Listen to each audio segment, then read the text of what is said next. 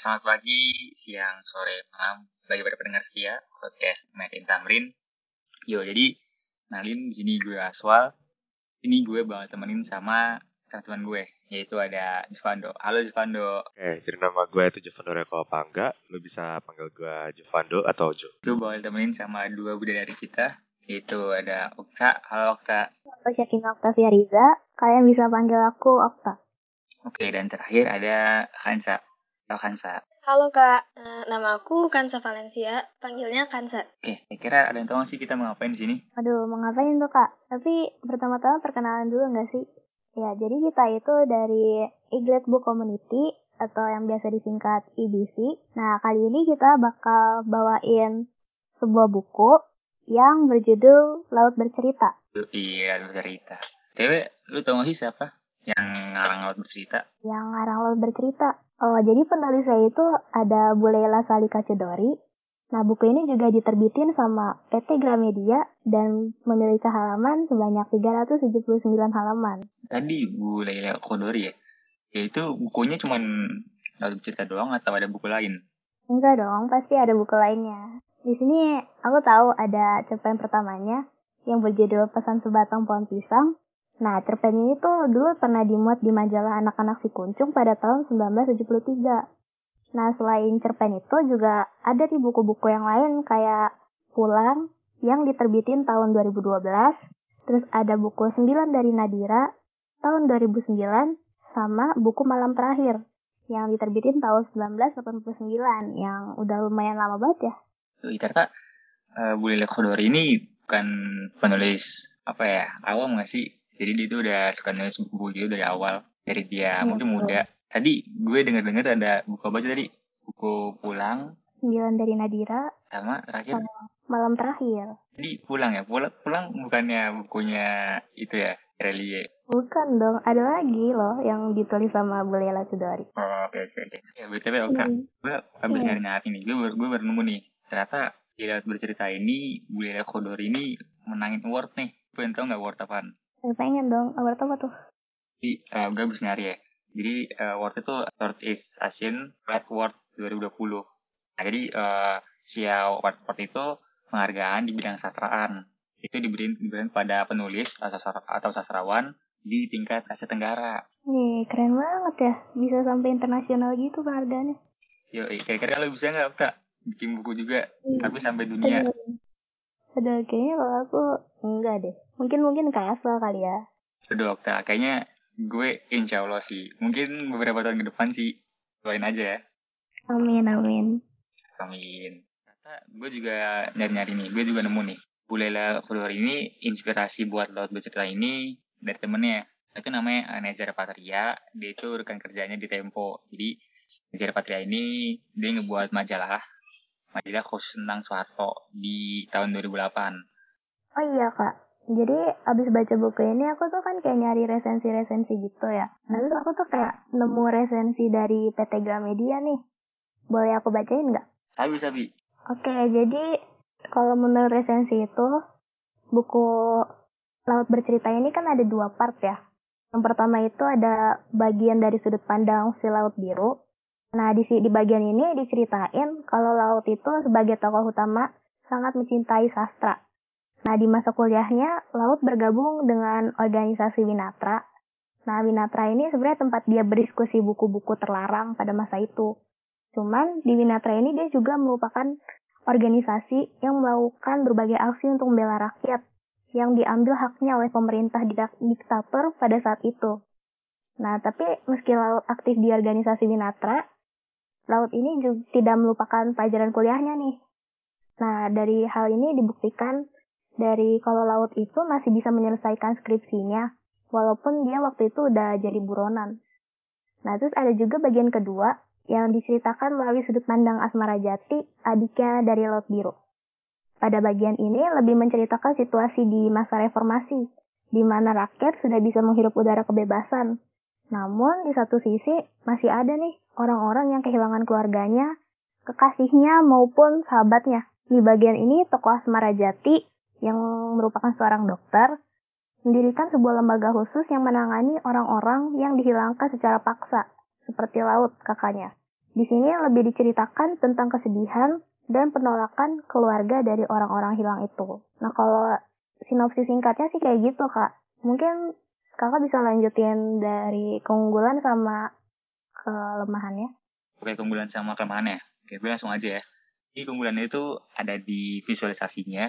Jadi penggambaran kayak kejadiannya itu detail banget. Kayak waktu laut, laut kayak waktu biru laut ditangkap di rumahnya waktu dia sendirian.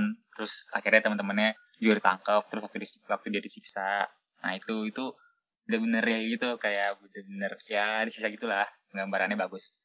Dia kan novel ini kayak ngambil dari kisah nyata ya. Jadi ya kita bisa ngambil sedikit pengetahuan tentang beberapa serpian sejarah lah. Nah ini kan terutama untuk anak muda ya. Kita kan barangkali ada yang belum tahu kayak di tahun ini tuh ada kejadian ini, terus korbannya siapa aja gitu.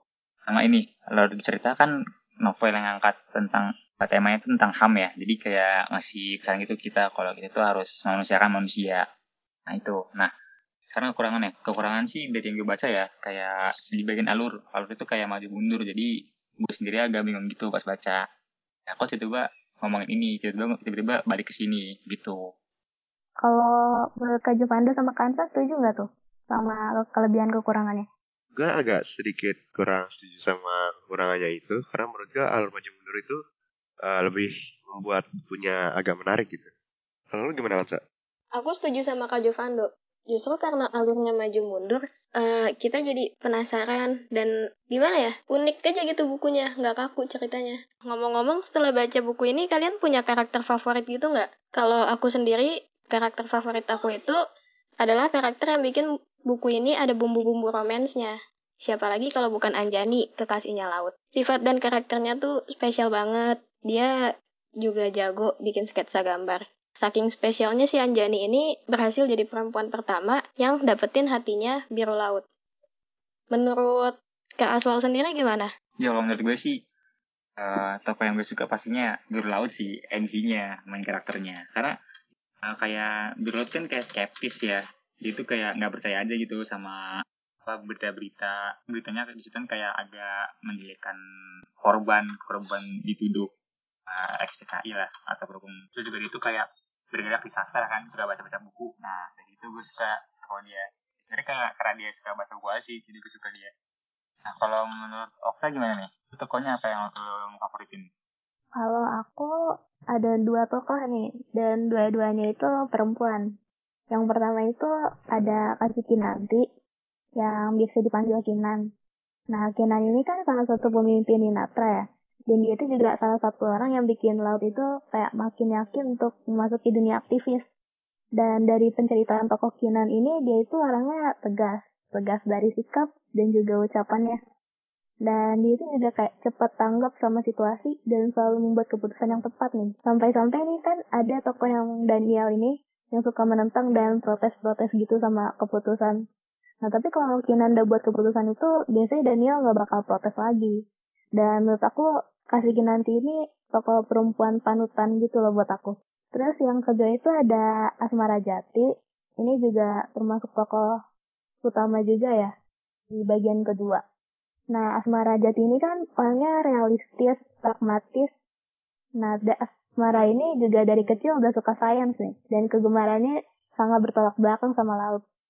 Ketika dewasa pun sama. Asmara juga lebih suka hal-hal yang udah jelas kayak mengobati orang yang kecelakaan dibanding hal-hal yang diperjuangin laut yang menurutnya itu kayak nggak jelas bentuknya. Terus Asmara Jati ini orangnya juga perhatian sama keluarganya, sama kakaknya, kayak care gitu sama mereka. Di mana setelah laut ini menghilang, orang tuanya itu kan kayak menyembunyikan kesedihan mereka masing-masing ya, dan kayak menolak untuk menerima kondisi. Tapi di sini tuh Amara, Asmara kayak tetap sabar dan menguatkan hatinya ke dari aku gitu. Kalau Kak Jovando, karakter favoritnya apa? Kalau dari gue sendiri sih, tokoh favorit gue tuh si Alex. Alex kan tuh si ke, ke kakaknya si adiknya Laut, si Asmara. Dan dia tuh orangnya kayak uh, ganteng dan cool, tapi di hatinya dia itu orang yang baik hati dan sopan. Apalagi dia juga mencemaskan teman-temannya yang ketangkap. Jadi dia peduli banget itu sama teman. Ngomong-ngomong tentang penokohan nih, uh, kita juga harus bahas alurnya juga nggak sih? Kan buku ini tuh menggunakan alur maju mundur. Dan menurut gue itu menarik karena eh, dari awal itu kita diberi sneak peek atas apa yang akan terjadi di buku itu. Jadi pembaca pasti bakal merasa penasaran tuh. Ya nggak sih? Hansa? Bener banget, Kak. Menurut aku, alur kayak gini bikin bukunya unik dan gak monoton. Tapi, bakal banyak pembaca yang kebingungan gak sih? Karena ceritanya kepotong-potong gitu. Juga sih kalau kayak gitu. Tapi ngomong-ngomong soal kebingungan, gaya bahasanya itu enak juga nggak sih? Soalnya eh, dibuat sebagaimana rupa supaya pembaca jadi nggak terlalu mikir-mikir banyak gitu buat eh, memahami bahasanya. Kan kebanyakan buku-buku kayak buku-buku dari luar tuh menggunakan bahasa-bahasa kiasan. Jadi agak susah untuk dipahami lah. Tapi ini bukunya bahasanya cukup eh, mudah dipahami gitu lah, kayak baku. Nah, bener banget. Jadi, kayak bahasa yang digunakan baku, tapi kita bisa paham apa yang eh, disampaikan penulis. Terus, eh, selain itu, penulisnya tuh cukup deskriptif gitu. Jadi, kita bisa bayangin apa yang penulisnya coba gambarin. Nah, lanjut cerita ini juga berlatar di tahun 1990 sampai 2000-an, yang mana kita tahu bahwa di masa itu politik Indonesia lagi kritis-kritis ya, dan banyak peristiwa besar yang terjadi.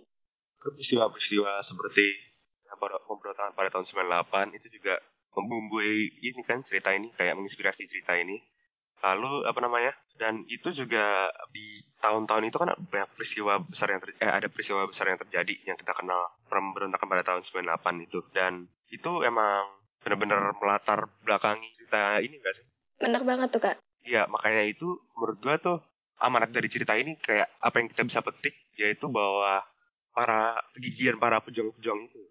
Karena coba kan si Nyelat dan teman-temannya tuh disiksa, diinterogasi sampai disetrum itu tapi mereka nggak mau jual teman mereka ataupun nggak mau menyerah kan? Iya, persahabatan mereka tuh solid banget gitu satu dengan yang lain. Terus juga buku ini membuktikan kalau generasi muda tuh bisa loh bergerak dan membela rakyat-rakyat, menyuarakan apa yang ada di pikiran mereka. Dan ada juga bagian-bagian yang bikin kita tahu artinya keluarga dan artinya persahabatan gitu, Kak. Ada bagian di mana keluarganya Biru Laut itu melakukan ritual makan malam supaya keluarga mereka tetap dekat. Ya nggak sih, Kak? Menurut gue tuh apa namanya ya aspek keluarga dan persahabatan itu menyentuh banget menurut gue. deh. Menurut lu gimana Okta? Lu ada sesuatu yang bisa lu petik dari novel ini nggak? Kalau menurut aku dari buku ini yang dapat kita petik itu sebagai generasi muda nih kita seharusnya tuh kita udah pasti kita harus peduli sama negeri kita sendiri. Terus kita juga sebagai pelajar itu jangan mau dianggap anak kecil doang. Tapi kita juga harus bisa bawa perubahan besar. Gimana caranya? Laut ini pernah nanya nih. Cuman kita dapat simpulkan dari cerita ini kalau kita mau bawa perubahan besar, kita harus ada tekad dan keberanian. Mau kita disiksa kayak gimana pun, kita harus tetap berani untuk menyuara- menyuarakan pendapat kita. Nah, tapi kita juga harus tahu nih, yang kita bela itu benar atau salah. Jangan sampai kita mau bawa perubahan tapi ke arah yang salah. Nah, terus dari perjuangan-perjuangan mereka itu, kita juga bisa ngeliat kalau mahasiswa aja bisa bawa yang masa Orde Baru di mana pemimpinnya para diktator itu ke masa reformasi yang penuh kebebasan. Nah, perjuangan-perjuangan kaum muda itu nggak cuma di Orde Baru itu kan. Kita juga tahu kalau perjuangan para generasi muda itu udah ada dari sebelum Indonesia merdeka. Nah, berarti tugas kita saat ini tentu aja harus mencontoh sikap mereka yang berani dan kritis itu buat bawa perubahan. Kalau dari aku gitu sih, Kak. Eh, menurut lu gimana Asmal? Lu ada sesuatu yang bisa ditambahin gak? Kayak apa menurut lu amanat dari ciri- apa namanya? Oh iya, kalau amanat kalau amanat dari gue ya, kalau gue mungkin ini kali ya.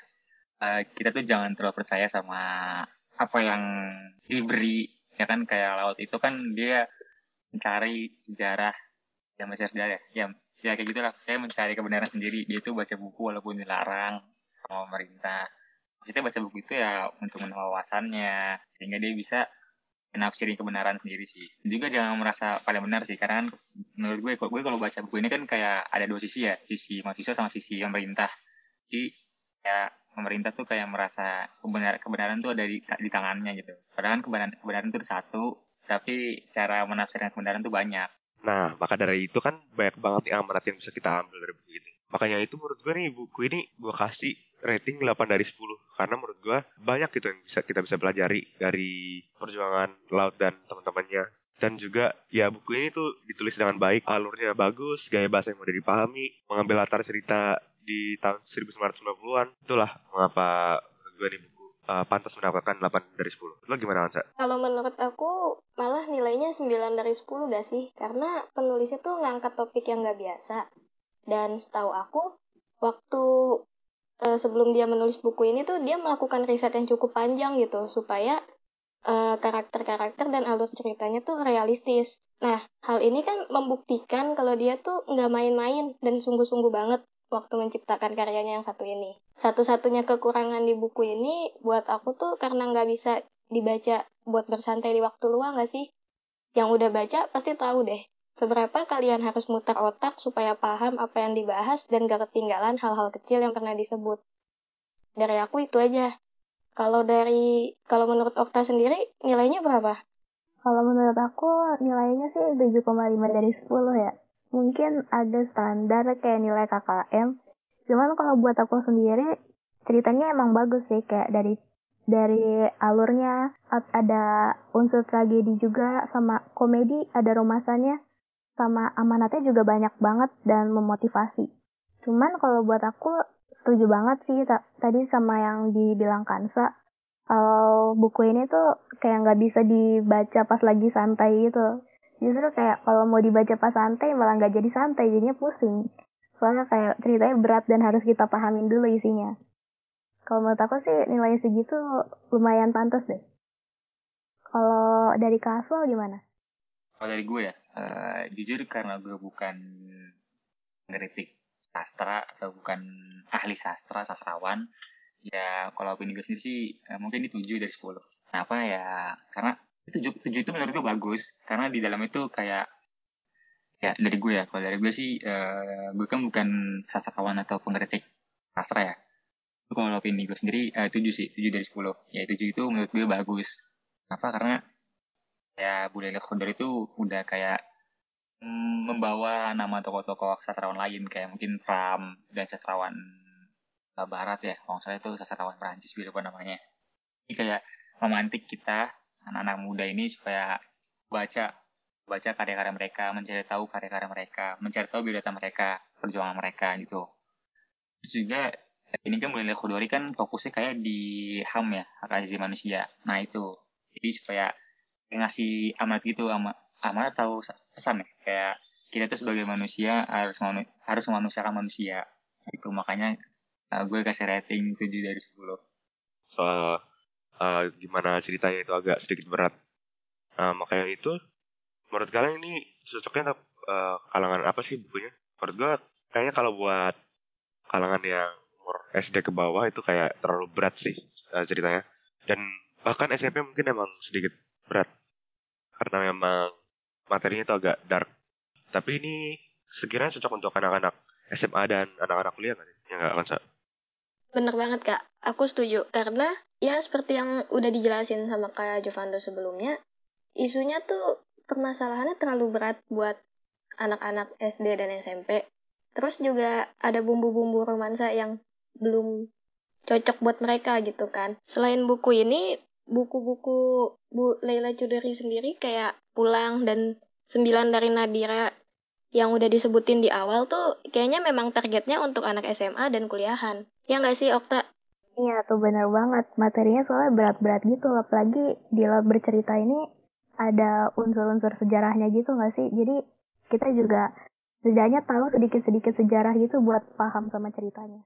Baik, karena tidak ada lagi topik yang ingin dibahas, uh, maka itulah akhir dari episode podcast pada kali ini.